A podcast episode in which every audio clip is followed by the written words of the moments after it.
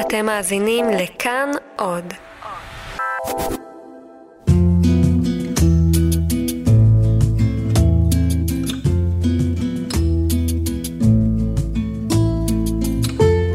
אין לי תלונות, אני לא מתווכח עם מה שקרה. אותה אמירה, אלוהים נתן, אלוהים לקח. אם אתה מקבל באהבה את הברכות שקיבלת בחייך, אתה באמת יכול uh, לזעוק לשמיים כנגד הדברים הרעים שקורים לך. הייתי שמח uh, להיות מסוגל לחזור וליצור, אני לא, אני לא יודע עד כמה זה בשליטה. שלום אבי נשר. בוקר טוב. איך תסכם את חוויית uh, הדלקת המשואות? אני לא חושבת שדיברת אחרי. חוויה מפעימה, וחוויה עוצמתית, וחוויה מרגשת. זה בעיקר כיף גדול להיות חלק ממשהו מאוד מורכב ומופק כשאתה לא הבמאי שלו. אה, פחות אחריות? פחות אחריות, ואתה אתה, אתה למעשה יכול ליהנות מהרגע. אני סתם, אני מאוד נהניתי להכיר את uh, מדליקי המשואות האחרים, שהם פשוט אנשים באמת מופלאים, כל אחד מהם. שבטח מלבד פוליקר לא הכרת לא, מי מהם באופן... רק פוליקר, שאותו אני מאוד אוהב ושמחתי להעביר זמן איתו, לא הכרתי אף אחד מהם, וכל אחד מהם ראוי, באמת שלא הייתה שם בחירה פוליטית ולא גם אחת. כל אדם שם עשה משהו חשוב והתגבר על משהו, וחבורת אנשים... נשמע שאתה טיפה מופתע שלא הייתה בחירה פוליטית. כלומר, ציפית שמישהו יבוא ולא באמת מגיע? לא, לא, לא, לא ציפיתי, אבל יש, יש תמיד בחירות פוליטיות, אפילו בדברים כמו פרס ישראל, יש ממד מסוים של אה, בחירות פוליטיות. בעצם העובדה שפוליטיקאים בסוף בוחרים. ו- כן. וזה, וזה אירוע ממלכתי, כלומר, ממלכתי זה שלטוני, שלטוני זה פוליטי, זה, זה בלתי נמנע, אני לא אומר את זה לגנאי, זה פשוט תהליך טבעי, וכאן היה בזה משהו מאוד מאוד נקי ומאוד מרגש, כי בבחירות היו באמת בחירות נהדרות, וכל הטקס גם מתנהל במין סוג של יושרה כזו, והיה בזה משהו ישראלי במובן היפה וה- והנקי והקלאסי של המילה. היית צופה בטקס לפני, נהגת לצפות בו? בעוונותיי אני בעיקר רואה סרטים וחדשות, אז אני כמעט, אני כמעט לא, לא רואה דברים שהם לא אחד מהשניים. אני לא הכרתי את הטקס מאוד מאוד מקרוב uh, לפני זה. הוא היה עשוי היטב, אנשי משרד ההסברה, אנשי משרד התרבות. אני מאוד מכבד כל דבר שנעשה בצורה מדוקדקת. מושקע, כן. וזה היה מושקע ומדוקדק. ולא חאפרי בעצם. מאוד. מאוד לא. כשאני ראיתי אותך מדליק משואה, כמובן זה היה מאוד מרגש, וגם חשבתי, רגע, איך לא קודם? מי שהסרטים שלו הם, הם, הם, הם הסרטים שאנחנו רואים שוב ושוב ושוב ושוב. אגב, כמעט כל יום עצמאות, או אולי כל יום עצמאות, וזה מוזר שלא קודם. המוזר עוד יותר זה שאף פעם לא היה במאי קולנוע. באמת? כלומר, אפרים קישון לא הדליק, ומשה מזרחי לא הדליק, ו- ו- ו- וזה היותר מוזר, כי באמת אה, בקולנוע הישראלי יש, יש והיו אנשים מאוד מאוד ראויים להדליק משואה שכזו, ואני לא ידעתי שאף פעם לא היו, אבל אני באמת הרגשתי שאני מדליק גם בשמם. כן, כי יש כאן, אה, מהסל השבתי בעצם ועד היום, יש כאן אה, חבורה מאוד מרתקת של אנשים ש... אה, לעשות קולנוע בארץ זה מעטים נגד רבים.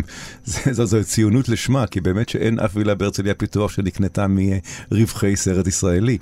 ו, וזה אף פעם לא היה, ואני באמת הרגשתי שאני עומד שם בשם אותם אנשים. אמרת, לכבוד אהוביי, יוצרות ויוצרי הקולנוע הישראלי, לכבוד ארי, שכאן איתנו גם בהיעדרו. אז את החלק הראשון אמרת שבאמת הרגשתי שאני מדבר בשמם. הרגשת גם שארי נמצא שם? חשת שהוא חלק מהאירוע? אני, אני, מרגיש, אני מרגיש שארי נמצא בכל מקום, את יודעת, אבל הוא... אה, זה היה מאוד מרתק, את יודעת, כי הוא, בן 17, ועוד שנה הוא בן 17, ויש שם המון חיילים צועדים קדימה אחורנית, ואתה מדמיין אותו במדים, וכמובן לא תראה אותו במדים. וכן, אני, אני הרגשתי אותו שם. זה מוזר לבוא לאירוע כזה בזכותו, או גם בגלל מה שקרה לך? אני לא, אני לא ראיתי את זה ככה. אני, אני חשבתי שאלה אירועים מנותקים. שוב, כשנודע לי שמעולם במאי קולנוע הישראלי לא הדליק משואה, אז אני חשבתי שבאמת הגיע הזמן שבמאי קולנוע ישראלי ידליק משואה, כי אני, אני, אני בטוח שאת יודעת שהקולנוע שה, הישראלי הוא היום השגריר הטוב ביותר לתרבות ישראלית, לישות ישראלית, כן, לעצם ההוכחה דבר. שאנחנו מדינה דמוקרטית, עצם ההוכחה שאנחנו לא גולשים למקומות האיומים האלה שאנשי ה-BDS מדברים עליהם. והקולנוע הישראלי מייצג אותנו בכבוד גדול מזה עשרות שנים.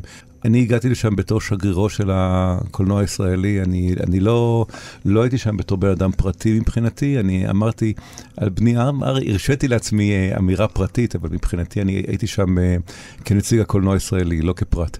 מפריע לך שהמון אנשים, אתה יודע, עוטפים אותך ורוצים ממש להתקרב אליך ולגעת בך ואומרים לך, אני מניחה כל הזמן עוצרים אותך ואומרים לך וזה, זה מעיק קצת או שזה משמח? את יודעת, אני... בגלל שכמו שאמרת, אני, אני עושה סרטים שלמרבית השמחה אנשים רואים, אז אני, אני קצת מורגל בכך שאנשים קצת רואים אותך כבן משפחה. זה נכון, מה גם שאתה באמת קונצנזואלי. אני לא רואה אנשים שלא אוהבים אותך. זה לא לגמרי אישי, זה, זה אנשים, אנשים שאני מאוד מחבב את האמירה, תמיד תקשיב ליצירה, לא ליוצר. אז כשאתה חווה יצירה, היצירה דוברת אמת. היצירה היא יותר אני ממה שאני כרגע אני. ואנשים מכירים את היצירות והם מאוד מתחברים. ומרגישים מתחב... שמכירים אותך בעצם. כן, והם לא סתם מרגישים, הם צודקים, כי כשאתה מכיר את היצירות שלי, אתה מכיר אותי טוב יותר מאשר בכל מגע אחר. אז אני כן מורגל, נגיד, אה, אחרי שהסרט שלי יוצא, שאנשים באים אליך כל הזמן ומדברים איתך. ו- ויש בזה משהו נעים, כי לעשות קולנוע זה מאוד מאוד קשה, ואתה ממש עושה אותו כדי לייצר קומוניקציה עם תרבות נתונה, עם חברה נתונה, ומאוד חשובה לי דעתו של כל אדם מנהג המונית שהביא אותי הנה ואמר לי דברים מאוד חמים ויפים. מה ו- הוא אמר? הוא נורא התרגש. הוא אמר שהוא נורא התרגש, שזה נורא נגע לליבו, שהוא אוהב את הסרטים שלי מאוד, והוא פשוט היה מאוד גאה בי. הוא דיבר כמו, כמו אחיין, כמו בן דוד רחוק, ו, ויש בזה משהו מאוד מאוד יפה. ואחת הסיבות שמאוד חשוב לי לעשות סרטים ישראלים, ואני לא מתפתה לסרטים אמריקאים, כי אתה ממש מרגיש שאתה עושה משהו שנוגע לאנשים. ולעשות קולנוע זה כל כך קשה. שאתה לא יכול לעשות אותו בתור דבר אנוכי, אם אתה, אם אתה לא מרגיש שיש לסרטים האלה אה, משקל ושהם נוגעים בחיים של אנשים, ואם אתה לא חושב שאולי אתה באמת מייצר איזה קשר, זה קשה מדי, ולקום בארבע בבוקר זה סיוט. אני ממש במיוחד לא אוהב את זה. אבל אה, את יודעת, זה, זה, זה סוג של ה... אחת הסיבות המרכזיות של העשייה. אז החיבוק אה, מאוד מאוד אה, מרגש, ובנסיבות הספציפיות הוא גם מחזק. כן? כן. כן, ואני, ואני אומר את זה בתור בן אדם שהוא חלק מהדור הישראלי הזה של, אה, של אחרי השואה, שאנחנו הישראלים החדשים, הקשוחים, אה, אנחנו לא בוכים, אנחנו אה, לא מראים רגשות, עמידים, כן. אנחנו לא נלך כצאן לטבח, אנחנו כנגד כל הסיכויים. וככה אני התחנכתי, וככה אני, את יודעת, אני בסוף העולם שמאלה, אני קראתי שריר. אחרי שעתיים של צילומים, וזה לא כיף גדול לקרוא שריר, ובערב הביאו לי רופא. והרופא בדק ואמר, טוב, זה, זה לא מאוד מסוכן, זה רק אה, לא סימפטי, ניתוח קטן, יחברו את השריר ותנוח שבועיים, ומה זה תנוח שבועיים? אתה באמצע צילומים, אז הוא אומר, לא, אתה, אתה חייב לחבר את זה. אמרתי, לא, אני באמצע צילומים, האם אני יכול לעשות עוד נזק לעצמי? אז הוא אומר, לא, השריר כבר קרוע. אז הוא אומר, טוב, אני אסתדר. הוא אומר, אתה לא תסתדר, הכאב יהיה איום ונורא. אמרתי, אם הכאב איום ונורא, אני אסתדר. וצילמתי שבעה שבועות סרט עם אה, באמת אה, כאבים איומים, עם זה הסתדרתי. אז אני מורגל לתפקד uh, עם כאב, אני לא מתורגל להודות בכאב, ואני ודאי לא מתורגל בלחלוק כאב. אבל, אבל זה מה שגם יצא שעשית ו- עכשיו, ו- חלקת. וזו הייתה חוויה גדולה, כי אני באיזושהי נקודה אני הבנתי שלקבל את החיבוק על הכאב, יש בזה משהו עוצמתי, יש בזה משהו מחזק, יש בזה משהו, אתה לא לבד.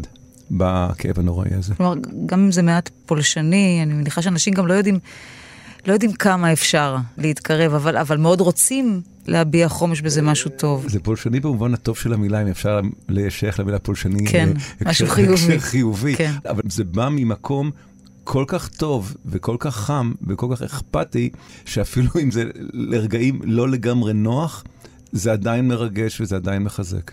אני שמעתי על ארי דברים נפלאים, אני לא הכרתי אותו כמובן לצערי. שמעתי עליו דברים נפלאים מנער שהיה איתו במד"א, הוא התנדב במד"א, ואחרי שארי אה, נפצע, כשהוא היה בבית חולים, אותו נער שאני מכירה היטב, כי הוא בן של אה, חברה, פשוט סיפר עליו בדמעות דברים מדהימים, כולו לב וכולו התנדבות, ומצטיין בכל, ומצד אחד כנראה מאוד מוכשר בתחום הקולנוע, ומצד שני גם מתעניין בלימודי אה, רפואה. נכון, כן. הכל נכון. שמע, זה... זו גאווה גדולה לגדל ילד כזה שמוצלח בכל, ופשוט ילד, ילד טוב, עוד אומרים על ילדים ילדים טובים. כן, הוא היה באמת, אמ, הוא היה ילד נפלא. אתה עוד נובר באירועי אותו יום, או שזה אתה כבר מניח בצד. אני, אני, אני לא נובר, ב, אני לא נובר באותו, באותו, באותו יום בגלל ש, שאין לזה סוף.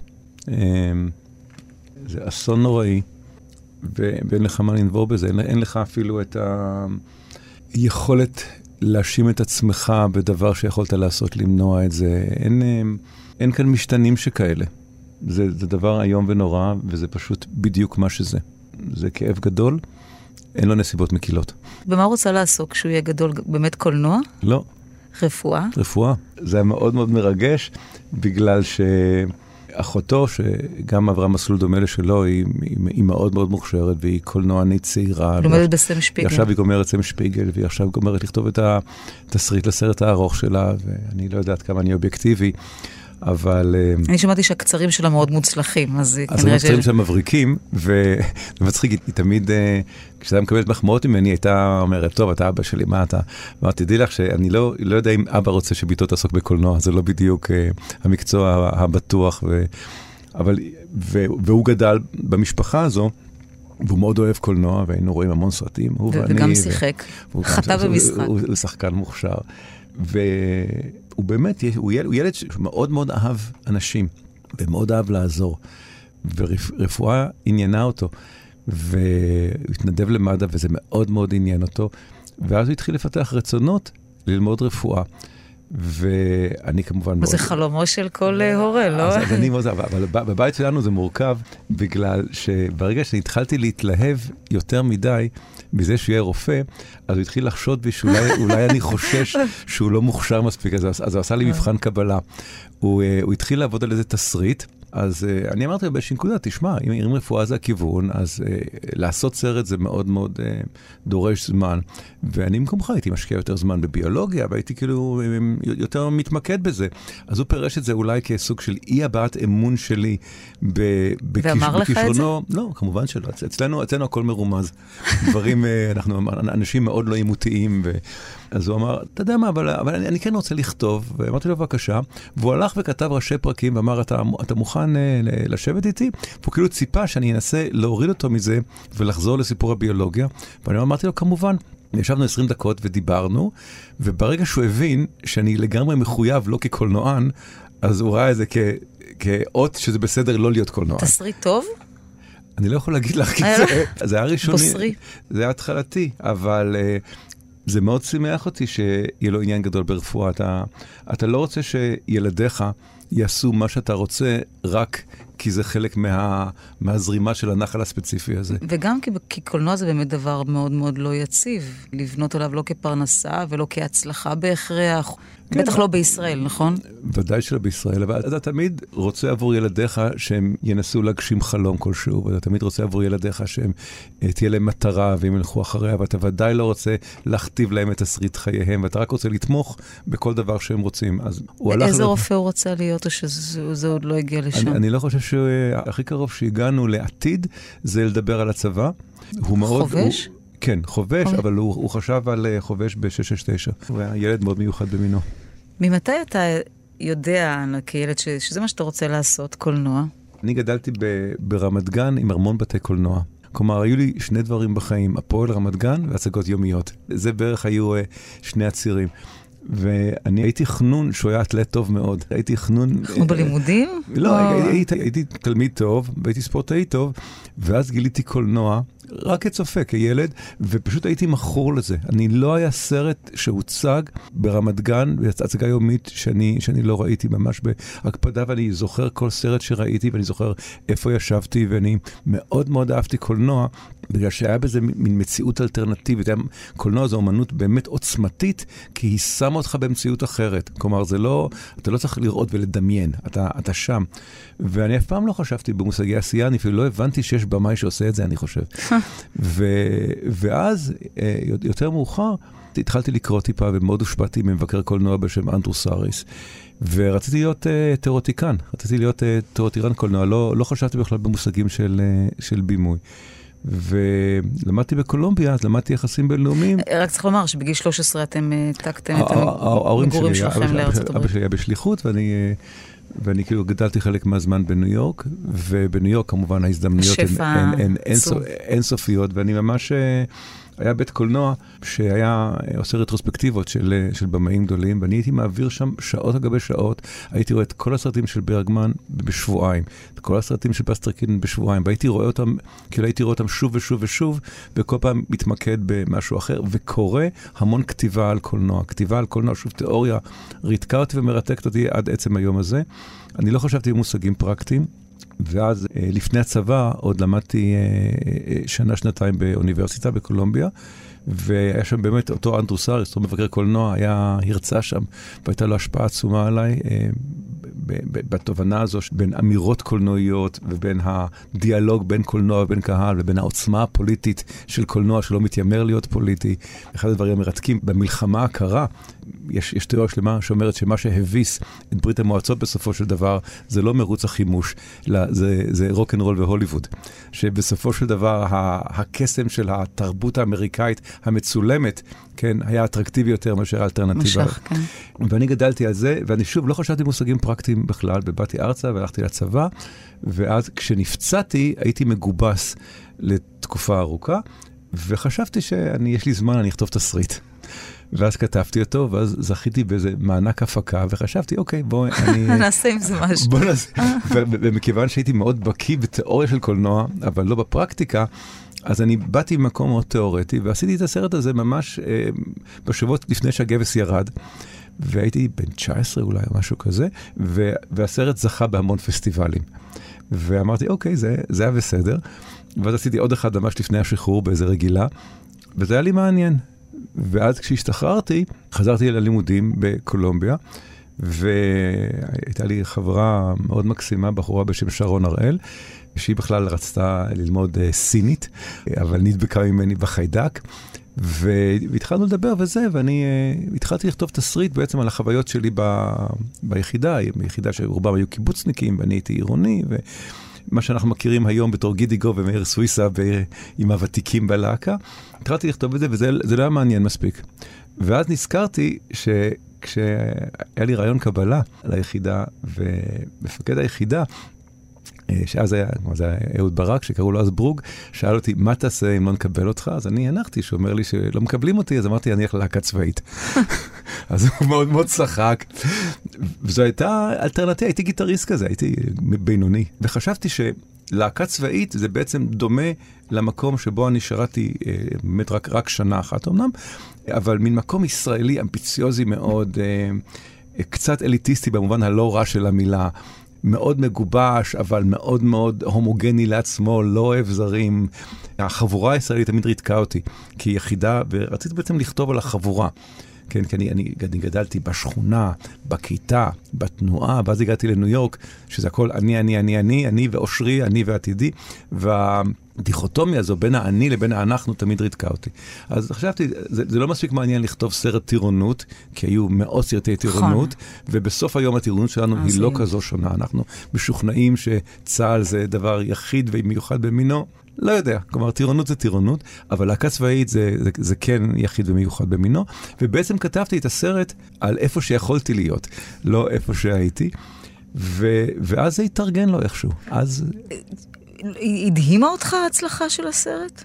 מכיוון שלא נכשלתי אף פעם, אז לא, לא, לא הבנתי איזה נס. אתה יודע, אתה מתאר פה, תראי, באתי במקרה, באתי, שמתי, ולקחתי, לקחתי, זה, זה, ופתאום זה נהיה. אני, זה, זה נשמע כמעט על סף המקריות. לא, זה, זה, זה היה מאוד מאוד לא מקרי. אבל הופתעת, לא? אני לא הופתעתי, אני, אני, זה הדאיג אותי. איך את, עושים אחר כך עוד סרט? לא, ההצלחה אז... הדאיגה אותי. אנחנו עבדנו נורא נורא קשה, ואני אומר אנחנו, כי, כי באמת... אה, זה, זה לוקח כפר לגדל סרט. זה, זה, זה, היינו uh, חבורה של אנשים, חלק מהאנשים היו אותם אנשים שעשו דיזנגוף 99. מספר עליהם, uh, חברי ועורך הסרטים שלי עד היום, איציק צחייק, ובחורה בלדית אביי, ואותה שרון הראל, מדהימה ופלאית, היינו חבורה של ממש. והיו תזות מאוד מגובשות בלהקה. כלומר, היו חזרות שלושה, ארבעה חודשים. כבר אז התחלתי מאוד לערב את השחקנים במלאכת העשייה. זה סרט שהמפיק שלו ניסה לעצור, לעצור אותו באמצע הצילומים, כי הוא לא פעל לפי שום מוסכמות של קולנוע ישראלי, לא היה בו מאבק עדתי גדול, לא היה בו סיפור אהבה גדול, לא היה בו איזה סיפור חד משמעי. זה היה מין, מין סרט כזה על אנשים, סרט על חבורה. ו- וזה וזה בא מתוך תיאוריה מאוד מוצקה, והסרט נתפס כסרט אוונגרדי. אז התאים לי בתור בחור בן 23 לעשות סרט אוונגרדי. אבל כשזה נורא מצליח, אז זה פתאום לא אוונגרדי, זה פתאום סרט נורא מצליח, ולא התאים לי. להיות במאי נורא מצליח. זה הדאיג אותי שאני במאי מאוד מצליח, ואז אני חשבתי שאני הולך להרוס את כל הרושם הטוב שעשיתי בלהקה. בדיזנגוף 99. עם לעשות סרט על... כי זה כן סוג של אוונגרדי, של ה- זה השלישייה, זה הרומן הזה, זה אחר לגמרי. מאוד נועז, נועז. עם- אותם שחקנים, אבל כשזה נורא הצליח, אז זה ממש הלחיץ אותי. בחג זמנים כלום, מה, שנתיים אחר כך, ממש. בום, עוד הצלחה. כן, כן, כן, אה, ושוב, ונעשה באותה צורה עם דגש גדול על מוזיקה, ועם, אה, שוב, מאוד לערב את השחקנים בתהליך העשייה, ובלי סיפור סדור, ובלי הסתמכות על מוסכמות קולנוע ישראלי, כלומר, מצד אחד לא בורקס, מצד שני לא סרט אה, שמחכה קולנוע אירופאי, אה, רצון ליצור קולנוע ישראלי מאוד ישראלי, שפת קולנוע ישראלית. ואז גם זה, זה הצליח, אתה נורא צעיר, אתה אין לך אבל אתה כבר מבין. שזה המקצוע שלך? את יודעת מה, אני? אני אף פעם לא חשבתי על קולנוע כעל מקצוע. אני, אני לא, זה ממש, את יודעת, זה כמו שנאמר, אבל בזה אתה עובד, וזו עבודה קשה. אז, אבל זה מפ... זה, עד, עד היום זה מפתיע אותי, כי אני, אני לא חושב על זה כעל מקצוע. אני, כשאומרים לי שאני מאוד מקצועי, זה מעליב אותי. אתה זו- רואה משרד כן, ופקיד עם קול- ניירות? קול- קולנוע זאת אהבתי, זה לא... אז- אז מהבחינה הזאת אתה בר מזל, שהתשוקה הגדולה שלך היא גם מה שאתה עובד בו. עבודה זה- זו לא מילה גסה, אני מניחה, זאת אומרת, זו לא, עבודה, לא, זו לא, עבודה לא. קשה. אני, אני עובד מאוד מאוד קשה, אבל אני עובד מאוד קשה בדבר שאני אני מאוד מאמין בו. וכשארי בני רצה להיות רופא, זה נורא שימח אותי, כי אני, אני מכיר רופאים שהם באמת רואים עצמם כמצילי אדם, וזה זה מופלא בעיניי. זה מופלא בעיניי שאנשים שמרגישים שיש להם איזושהי שליחות. שליחות. ושוב, אני בא, אני בא מבית של הורים ש, שקידשו עצמם על על שליחות בצורה זו או אחרת, אז אני, אה, אני, אני, לא, אני לא רואה קולנוע לא כתחביב ולא כמקצוע, אני רואה את זה כדבר אה, שביום טוב יש לו משקל כלשהו במרחב. זעם ותהילה היה הסרט השלישי שלך? זה הסרט רביעי שלי, רביעי? והוא סוף סוף נכשל, תודה לאל. לא, כי חשבתי עליו כאל בריחה למשהו אחר לגמרי. אבל לא, אבל בעצם לא, אם תחשבי על זה, זה שוב חבורה. אני, אני, זה תמיד נכון, בסרט, היא תמיד חבורה. זה תמיד חבורה. והיא היא, היא אף פעם לא צייתנית. לא, תמיד חבורה ותמיד מורדים. כן. תמיד מורדים, תמיד נגד הממסד, תמיד מסוכסכים בתוכו, מאוחדים כלפי חוץ, תמיד מנסים לעשות משהו חשוב, אבל, אבל תמיד אה, ת, יש מהפכה מתמדת, אני כזה טרוצקיסט. אני מאוד מאוד מאמין ב, ב, במהפכה מתמדת, עד עצם היום הזה. כמעט כל הגיבורים שלי יש בהם איזה ממד נכון. מהפכני, וה, והלח"י ריתק אותי. כי אני בא מבית מפאיניק. למה? כי הם נראו יותר נועזים. כי הם היו רוקנרוליסטים. הם, הם, ו, ו, והיה בהם משהו אנרכיסטי, והם היו משולי אידיאולוגיה סדורה, כלומר, ההגנה זה, זה השמאל הקלאסי, והארגון זה הימין הקלאסי, והלח"י זה, זה הקיצוניים, זה הילדים הרעים של הכיתה, והלח"י להוציא מתגרור את נתן ילין מור שמקים את מק"י, את המפלגה הקומוניסטית, ואת יצחק שמיר שהופך אה, מבכירי, כלומר, זו תנועה שמכילה בתוכה את הקוטביות הפוליטית הישראלית, אבל זו התנועה היחידה שמזהה את הבעיה העכשווית המיידית, שזה השואה. ובישראל דאז, בישראל של שנות ה-40 המוקדמות, היה איזשהו רצון לא להבין את ממד האסון, בגלל שזה סתר את המחשבה שצריך לשתף פעולה עם האנגלים כנגד הבריטים. ובעצם הלח"י הבינו שיש נקודה אחת איומה שקצת מתעלמים ממנה, וזה שלא נותנים ל- ליהודים מקום לברוח אליו. כן, ואני, ויש משהו מאוד מרתק בעיניי בזיהוי הדבר הבאמת חשוב ברגע נתון. הדבר שבאמת צריך להילחם עליו. ואני חשבתי שאם הייתי אדם צעיר בתקופה ההיא, אני הייתי בלח"י. היית רוצה להיות בדור המייסדים של דור- המדינה הזו, מעבר ללזהות את המצב הנתון ולהבין שצריך להגיב עליו כך ולא אחרת? הקמת המדינה זה, זה, זה היצירה האולטימטיבית, זה פלא גדול. שוב, אני זכיתי דרך חברתי שרון להכיר את אביה, יוסי הראל, שהיה מפקד האקסודוס, ואת כל החברים שלו, מעד, וזה דור נפילים, הם אנשים... עכשיו, הייתי רוצה לחשוב שאם את ואני היינו חיים בדור הזה, הטוב שבנו היה, היה תופח ועולה, כי אתה גם צריך את ההזדמנות כדי, כדי להפוך לאדם אה, טוב יותר או אדם נועז יותר, אבל הם פשוט אנשים, כשאתה, אני, אני מדי פעם אה, עובר במוזיאון הפלמ"ח, כי אני קצת עכשיו מתעסק בתחקיר לקראת איזה משהו, ואתה מסתכל שם על התמונות, ואנשים כל כך צעירים. הם כל כך צעירים, האנשים האלה שבנו את המקום הזה ועשו את המקום הזה, וזה אקט של נעורים וזה אקט של מרד. אותו מהלך אה, זה, זה מרד בהיסטוריה היהודית של אלפיים שנות גלות, זה מרד בגורל שנכפה עליך, זה מרד ב, בשואה נוראית. ויש בזה משהו פשוט שמרהיב ויצירתי בליצור מדינה. זו, כלומר, ליצור, ליצור קולנוע זה, זה מהלך בזעיר אנפין, כן, אה, לעומת ליצור מדינה, שבעיניי זה תהליך פלאי. אז יש, יש לי חיבה וכבוד אדירים לאנשים האלה. אני חושבת שאני קראתי שיצחק שמיר אהב את הסרט, שזה, שזה סוג של תעודת uh, תו תקן לסרט, או דווקא, רגע, רגע, רגע, אם הוא אהב אותו, אז מה, לא, לא, לא, מה פה זה... ביצירה לא בסדר? אני, אני באתי לזעם ותהילה, באותה תקופה אני כתבתי בהארץ. אה, וכתבתי מאמרים, מאמרי קולנוע, אבל, אבל מאמרים... אה, נכנסנו ללבנון דאז, ו, ואיש הצבא שבי חשב שזה רעיון רע מאוד. כלומר, אני לא פציפיסט, וכשצריך להילחם צריך להילחם, אבל... אבל להיכנס ללבנון חשבת שזה... להיכנס ללבנון. לא, הדוקטרינה הישראלית תמיד הייתה, כן, לגרור את האויב לשטחים פתוחים, נכון? כך, ככה היה בששת הימים, אה, אפילו, אפילו ביום כיפור, הארמיה השנייה וכן הלאה. ולהיכנס למגרש הבית של האויב, כלומר, שהם יצלפו בך, מבחינה צבאית זה נראה לי דבר מטורף. אז כתבתי עם המאמרים, ומאוד מאוד הייתי בעד, נאמר, אה, בזמנו נאסרה בארץ הקרנתו של הקרב על אלג'יר. הייתי מאוד נגד צנזורה, הייתי מאוד נגד כל ניסיון אה, אה, למנוע מאיתנו אה, ידע מה שקורה בעולם, ואני מניח ששמיר היה מאוד מודע לזה. וכשבאתי לעשות זעם ותהילה, היה חשש שאני אנסה לרתום את הלח"י לאיזה מהלך פוליטי. עכשיו, אני מאוד מאוד לא מאמין בקולנוע פוליטי במוצהר. אני מאמין שקולנוע הופך לפוליטי כשהוא לא מצהיר על הפוליטיות שלו. אבל קולנוע זה חיה פוליטית בעצם הגדרתה, במיוחד פול... קולנוע מצליח. נאמר, אה, גנדי זיהה בלהקה גנדי, רחבעם זאבי גנדי, שמאוד ניסה לעצור את עשיית הלהקה, כי הוא זיהה שבלהקה יש שם מרד נגד הצבא, ולו גם בלהקה צבאית, וזה נגמר עם שיר השלום. ואתה אומר, זו לא הייתה הכוונה שלי. זו כן הייתה הכוונה שלי. לא, אבל זו לא הייתה הכוונה שלי ליצור סרט שמראש יהיה כזה, שהוא בהגדרה אה, מתסיס פוליטית, וליצור את ה... אתה יוצר סרט שאתה מקווה שיעורר מחשבות. אוקיי. Okay. אתה, אתה לא רוצה להניף דגל ולהכריז על איזה מחשבות רצויות לך. למה לא בעצם? בגלל שברגע שאתה מצהיר כוונות, האנשים היחידים שמקשיבים לך... זה אלה שממילא שם? כן. זה, אתה, כפי שאומר המפתיע האמריקאי, אתה, אתה מרצה למקהלה. כן, אתה, אני מאמין שקולנוע צריך לפתוח דיאלוג. זה מאוד מאוד שימח אותי שבסיפור אחר ראו קהלים גדולים, גם חילונים וגם דתיים. כי הסרט בעצם מנסה... סיפור אחר סרטך האחרון. אחרון. כן. זה סרט שמנסה לייצר דיאלוג, וסרט במיטבו... לא נותן תשובות, אלא שואל שאלות. סרט במיטבו אמור להתחיל דיון. הוא לא אמור אה, להגיד לך מה אתה אמור לחשוב. אני בכלל מאמין שאומנות אמורה להיות דבר שמאפשר אה, חשיבה אלטרנטיבית, אבל לא תשובות אלטרנטיביות. אם אני רוצה להביע את דעתי הנחרצת, אני אכתוב מאמר. אין, קולנוע זו חוויה מאוד מאוד שונה. אז באתי לזעם ותהילה מתוך רצון לעשות סרט עליהם, על תא בלח"י, כמו שבאתי לעשות סרט על להקה צבאית, כמו שבאתי לעשות סרט על דירה אה, אה, בדיזינגוף. באתי מתוך כבוד ואהבה. ושוב, אני מאוד מאוד מאמין בלהשתית אה, סרטים על סיפורים אמיתיים. אני ראיינתי קרוב ל-40 או 50 אנשי לח"י.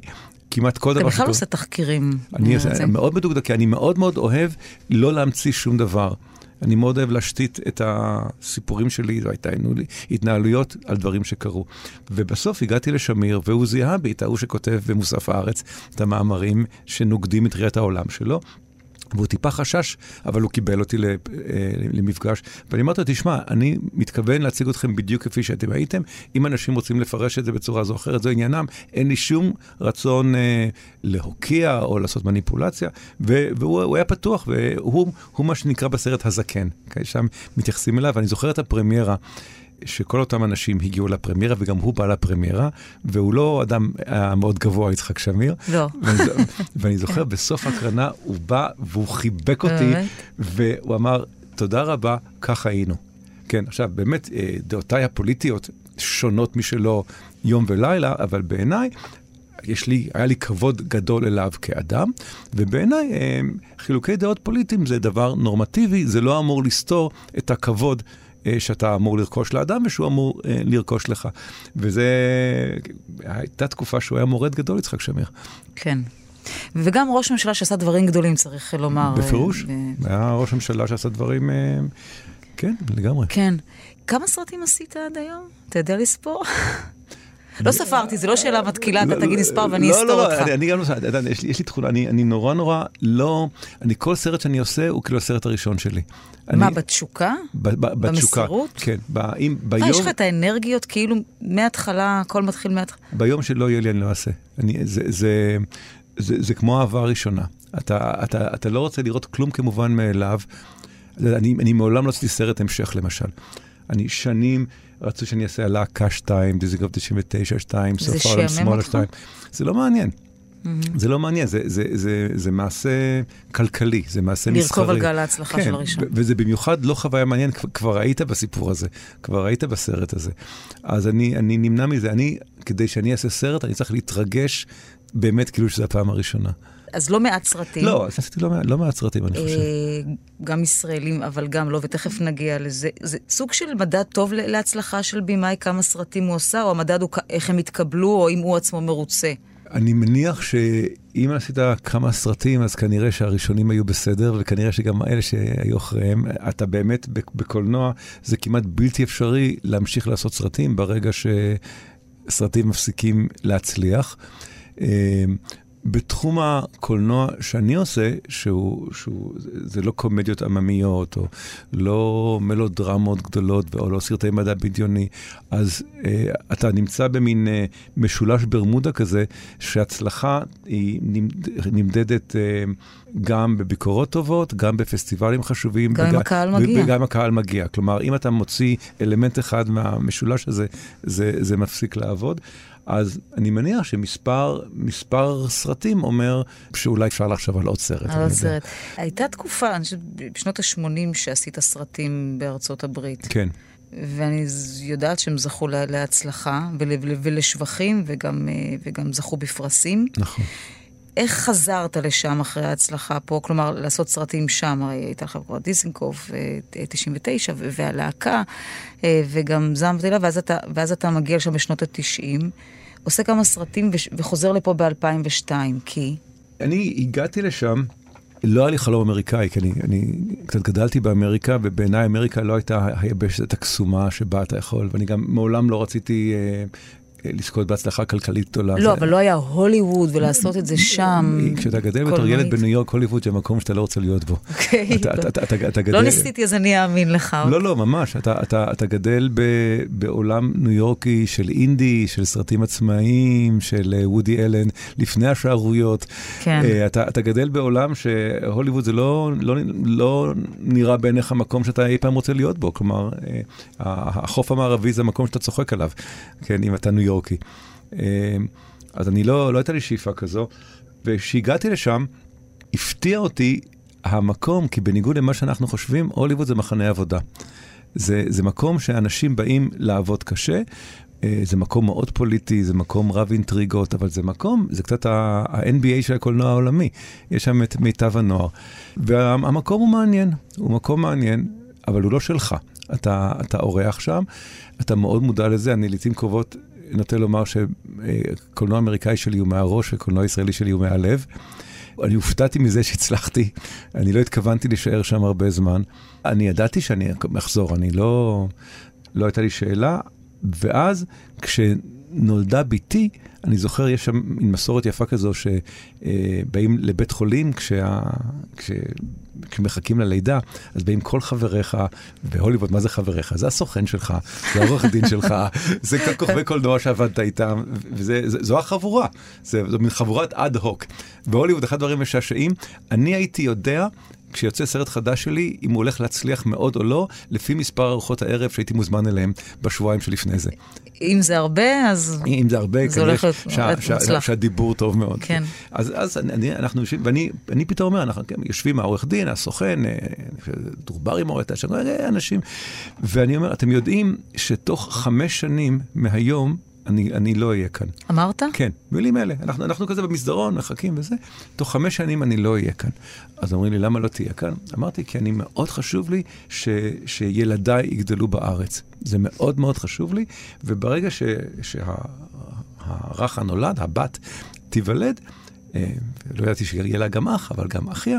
ברגע שזה יקרה, אני, אני, אני אגור בארץ והם ילכו לבתי ספר ישראלים וזה, וכשהם מבוגרים יחליטו איפה שרוצים לגור, אבל אני, כשאני אני בן למהגרים, כמו, כמו מרביתנו, אני לא, לא רוצה שילדיי יחזרו על החוויה הזו, ואני תמיד מקנא באנשים האלה, משפחה הזו בטוסקנה, שגרה באותו בית כבר 20 דורות ובאותו מקום, ואני מאוד מחבב המשכיות ואני מאוד מחבב שייכות, ואני אומר, הדבר הזה מהיהודי הנודד צריך להיגמר באיזושהי נקודה.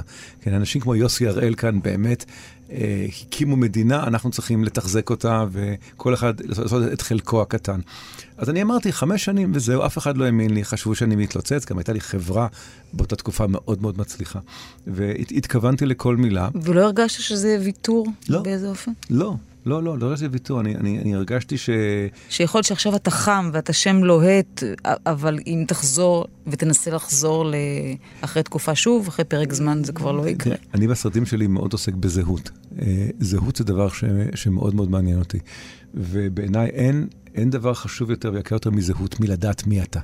ולדעת, אה, אה, אבא שלי הוא בן אדם שנולד בעיר קטנה שהייתה מדי פעם רומניה ומדי פעם רוסיה ומדי פעם גרמניה, ואז הוא חי בישראל ואז הוא נפטר באמריקה.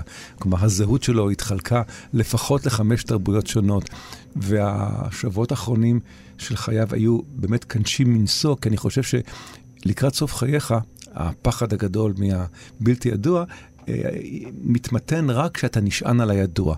והידוע זה מי אתה, מי משפחתך, מי הם חבריך, איפה אתה חי, מה העבר שלך, מה עשית. כלומר, כל הדבר הזה של זהות, יש בו משהו מאוד מאושש ומאוד מחזק. וכדי לייצר זהות צריכים לייצר המשכיות. זהות זה לא דבר שמאלתרים. זהות זה דבר מאוד מאוד המשכי. והזהות שלי הייתה ברורה, אני קיוויתי גם אה, לאתר ולזהות את הזהות של הילדים שלי, ואני לא ראיתי את עזיבת הוליווד כקורבן, אני פשוט ראיתי שזה חלק מדבר... לא קורבן, אבל ויתור. זה כן ויתור מסוים. יותר מזה, אני, אני, אני, אני לא חשבתי שאני אעשה סרטים בארץ, כי הקולנוע הישראלי היה... בין... לא חשבת שתעשה סרטים לא, יותר בארץ? לא, אני חשבתי שאני לא אעשה סרטים יותר, כי הקולנוע הישראלי...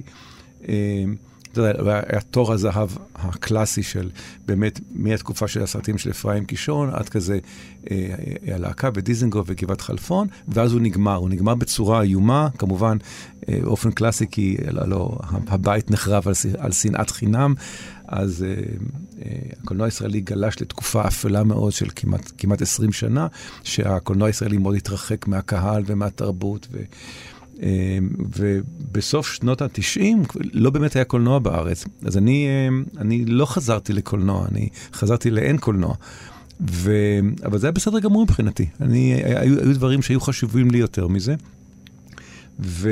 ואני זוכר, הסוכן האומלל שלי, כשהגיע הזמן לחזור, הוא פשוט ניסה רק למצוא לי סרטים שקורים באירופה, הוא אמר, תיסע... זה על הדרך. על הדרך, שעות תיסע. ב- תעבוד בשבוע, תחזור בוויקנדים. הוא אומר, לא, לא, לא, אני, אני ממש רוצה להיות בישראל. קנינו בית, כלומר, ממש, הכל היה מתוכנן ומסודר.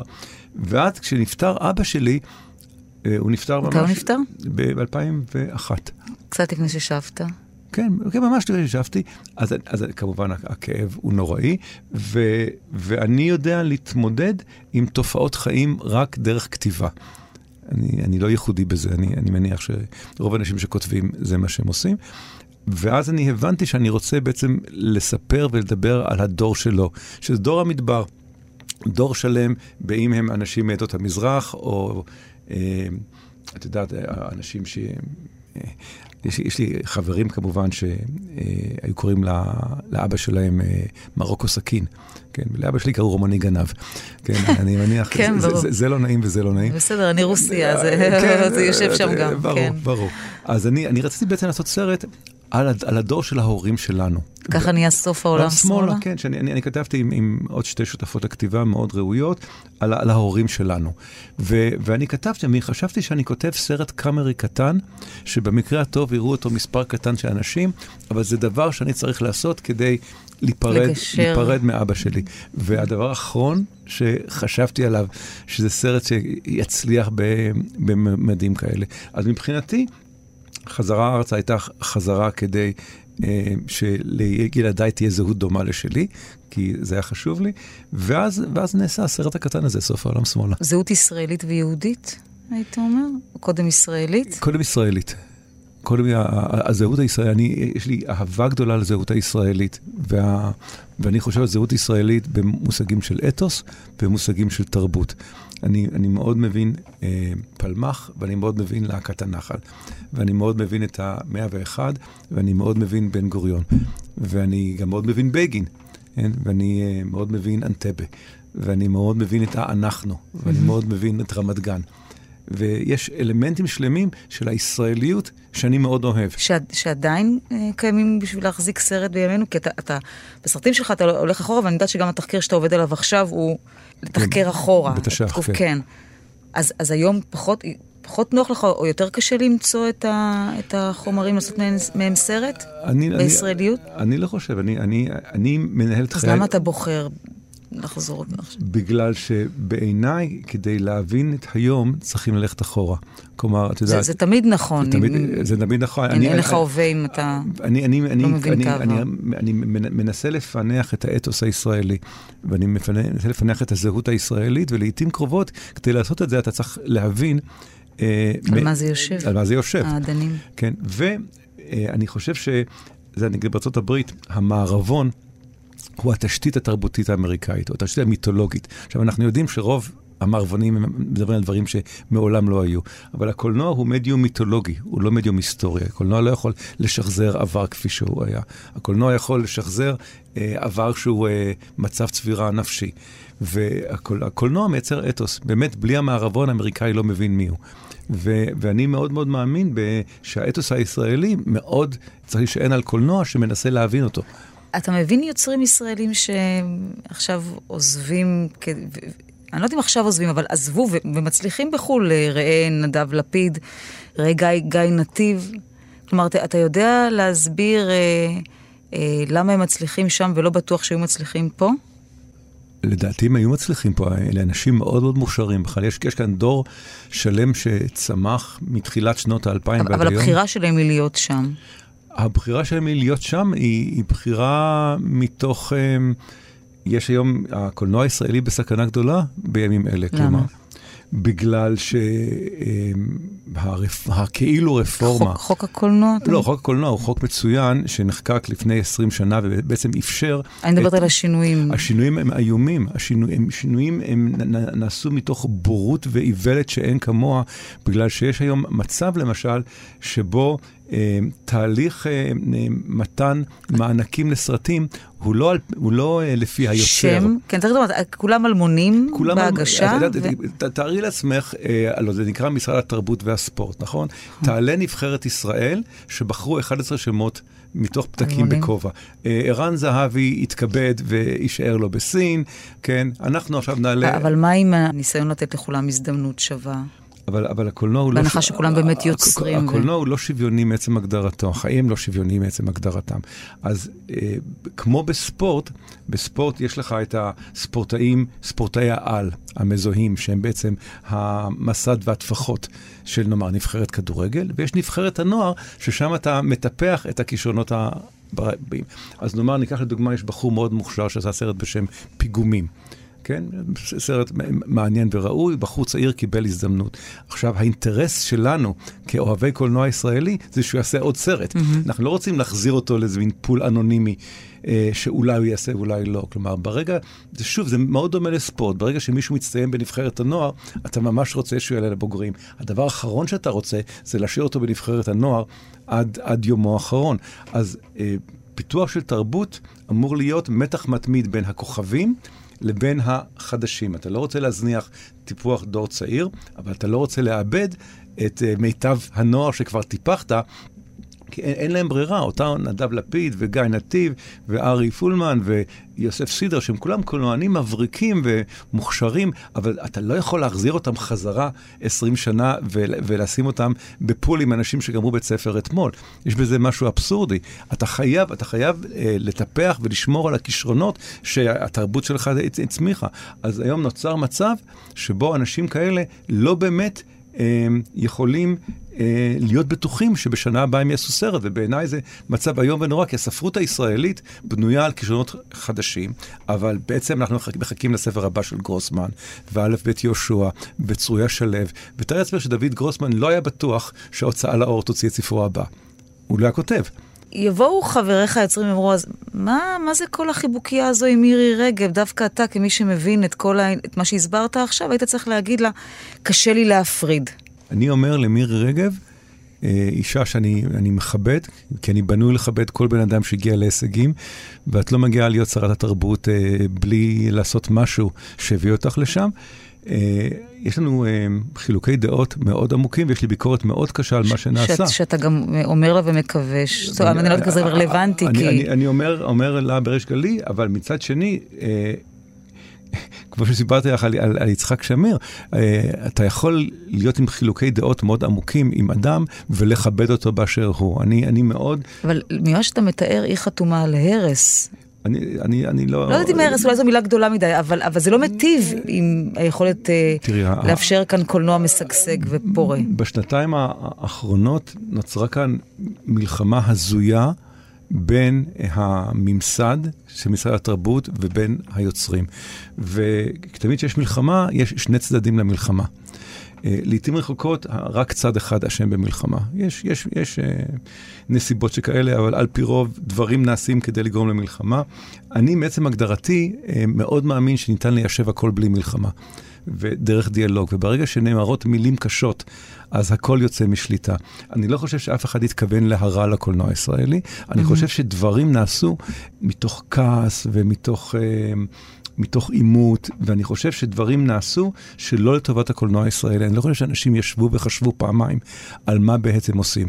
אני לא חושב שהם חשבו שהם מונעים מכוכבי הקולנוע, מכוכבי הכדורגל הישראלי לשחק בנבחרת ישראל.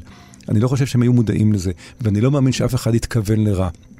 ואני חושב שזה חשוב היום להסביר מה הנזק שנעשה, כי זה לא דבר שאי אפשר לשנות אותו. אני באמת חושב שטליה לביא, שעשה את אפס ביחסי אנוש, האינטרס הלאומי התרבותי הוא שהיא תעשה עוד סרטים. Mm-hmm. זה, זה, לא, זה לא האינטרס שלה בלבד, כן? האינטרס שלנו ש, שיוסף סידר, שסרטו הבא יהיה מובטח, כי אנחנו רוצים שהוא יעשה עוד סרט. אנחנו רוצים שגיא נתיב יעשה סרט ישראלי. נכון. אנחנו רוצים ש, שלפיד יעשה סרט ישראלי. אנחנו גם רוצים לטפח את האנשים החדשים. השיטה העכשווית מייצרת כאוס ושולחת אותנו שוב לתוך, אה, לתוך אה, חשיכה בנוסח אה, זאת שנות ה-90, ללא כוונה רעה של אף אחד. מתי אתה חושב שנראה, אם זה יימשך המצב הזה, מתי נראה את התוצאות שלו? אני חושב שאנחנו כבר מתחילים לראות את התוצאות, התוצאות שלו. אני, אני, אני חושב שאנחנו אה, אה, בעולם שכל האנשים המאוד מוכשרים האלה שהזכרת לא עושים סרט ישראלי, זה, זה איום ונורא בעיניי. לא תאמין, תכף נגמר לנו הזמן ויש לי עוד מלא שאלות, אז אני אנסה טיפה לצמצם את זה, כי כבר מסמנים, סיימי, סיימי, סיימי, אבל, אבל קשה לי, אתם מבינים שקשה לי. אתה אמרת שאתה עובד עכשיו על, אה, על סרט. לא עובד על סרט, אני ממש... תחקיר? בתחילת הדרך, תחילת תחילת הדרך, אה, אם בכלל. הדמות נשית, שזה אגב גם דבר מעניין, אתה, אתה יודע לדבר, לתת קול לדמויות אה, נשיות, מה שלא מובן מאליו שגבר יודע לעשות את זה דרך אה, דמויות אה, נשיות. אתה רואה את עצמך גם יוצר משהו שמבטא את מה שעברת? כי אני יודעת שרעייתך מעלה תערוכה. וארי הוא, הוא הכוכב, אני לא יודעת mm. אם להגדיר איזו מילה נכונה של, של התערוכה, ושהבת שלך עובדת uh, על משהו שאולי מבטא את מה שהיא אה, עוברת ואתה. התערוכה של אשתי היא באמת תערוכה מופלאה, זו תערוכה שנקראת אריה של מוזיאונים. וזו עבודת וידאו באמת מרהיבה ביופייה. את יודעת, ההתמודדות היא כמובן מאוד קשה. כשסיפרתי לה, כשאבי נפטר, אז עשיתי את סוף העולם שמאלה. זה לא היה סרט על אבא שלי, זה הסרט שדרכו ניסיתי להבין, אה, או אולי לכפר אפילו, על, את יודעת, אנחנו אנשים שגדלנו עם הורים שבאים משם, ואנחנו היינו מכאן, ואנחנו לא כיבדנו את המשם, כי אנחנו היינו... במידה מסוימת, הסרט שנעשה, זה הסרט שבו התמודדתי עם החטאים שלי כלפי אבא שלי, אני חושב. אז אני, ההתמודדות היא בלתי נמנעת, אני לא יכול לדעת מה תהיה הצורה שלה. אני, אני אופתע אם היא תהיה ישירה. אני, אני לא מאמין בדברים שנעשים בצורה ישירה, אה, למרות שכל אחד אה, עושה מה, מה שנראה לו, אבל אה, אני, אני לא יודע אם אני אעשה, אני אפילו לא יודע אם אני, אם, אם אני יכול לעשות סרט. לעשות סרט זה מאמץ כל כך גדול, שאתה צריך להיות כשיר בסדרי גודל שכאלה, שאני רחוק מלהיות שם. אבל uh, אני, אני אתמודד עם הכאב, לא בהכרח דבר שמדבר על ארי ישירות. מה לאחל לך? אה, אני, אני לא יודע, אני, אני נהניתי מהשיחה. גם עוד שיחה. עוד שיחה. אני, אני, אני, אני, אני לא יודע, אני... את יודעת, אני, אין, לי, אין לי תלונות. אני... נתן גושן, ששיחק בסיפור אחר, אה, אמר דבר שהצחיק אותי, הוא אמר, ש, הוא אמר שהוא הבן אדם הדתי הכי חילוני שישנו, ואני הבן אדם החילוני הכי אמוני. אמוני. שהוא מכיר, וזה, וזה מצא חן בעיניי. אני, אני לא מתווכח עם מה שקרה. אותה אמירה, אלוהים נתן, אלוהים לקח. אמ, אתה, אתה קשה לך, אם אתה מקבל באהבה את הברכות שקיבלת בחייך, אתה לא באמת יכול uh, לזעוק לשמיים כנגד הדברים הרעים שקורים לך. Uh, אבל uh, אני uh, הייתי, הייתי, הייתי שמח להיות מסוגל לחזור וליצור, אני לא, אני לא יודע עד כמה זה בשליטה. אני מאוד מודה לך שתמשיך לחייך וליצור. החיוך שלך תמיד מעורר השתאות ו... ו- ורצון להיות מחובר אליך באמת. אני מניחה שאני לא הראשונה שאומרת לך את זה, ומאוד נהניתי מהשיחה. אני מקווה בשביל כולנו שתמשיך uh, ליצור. אני גם רוצה לומר תודה לעורכת שרון עמית ולמפיקה אלה גאנה ולטכנאי ראובן מן, ותודה רבה לכם שהייתם איתנו. תודה רבה לך, גאולה, מאוד נהניתי.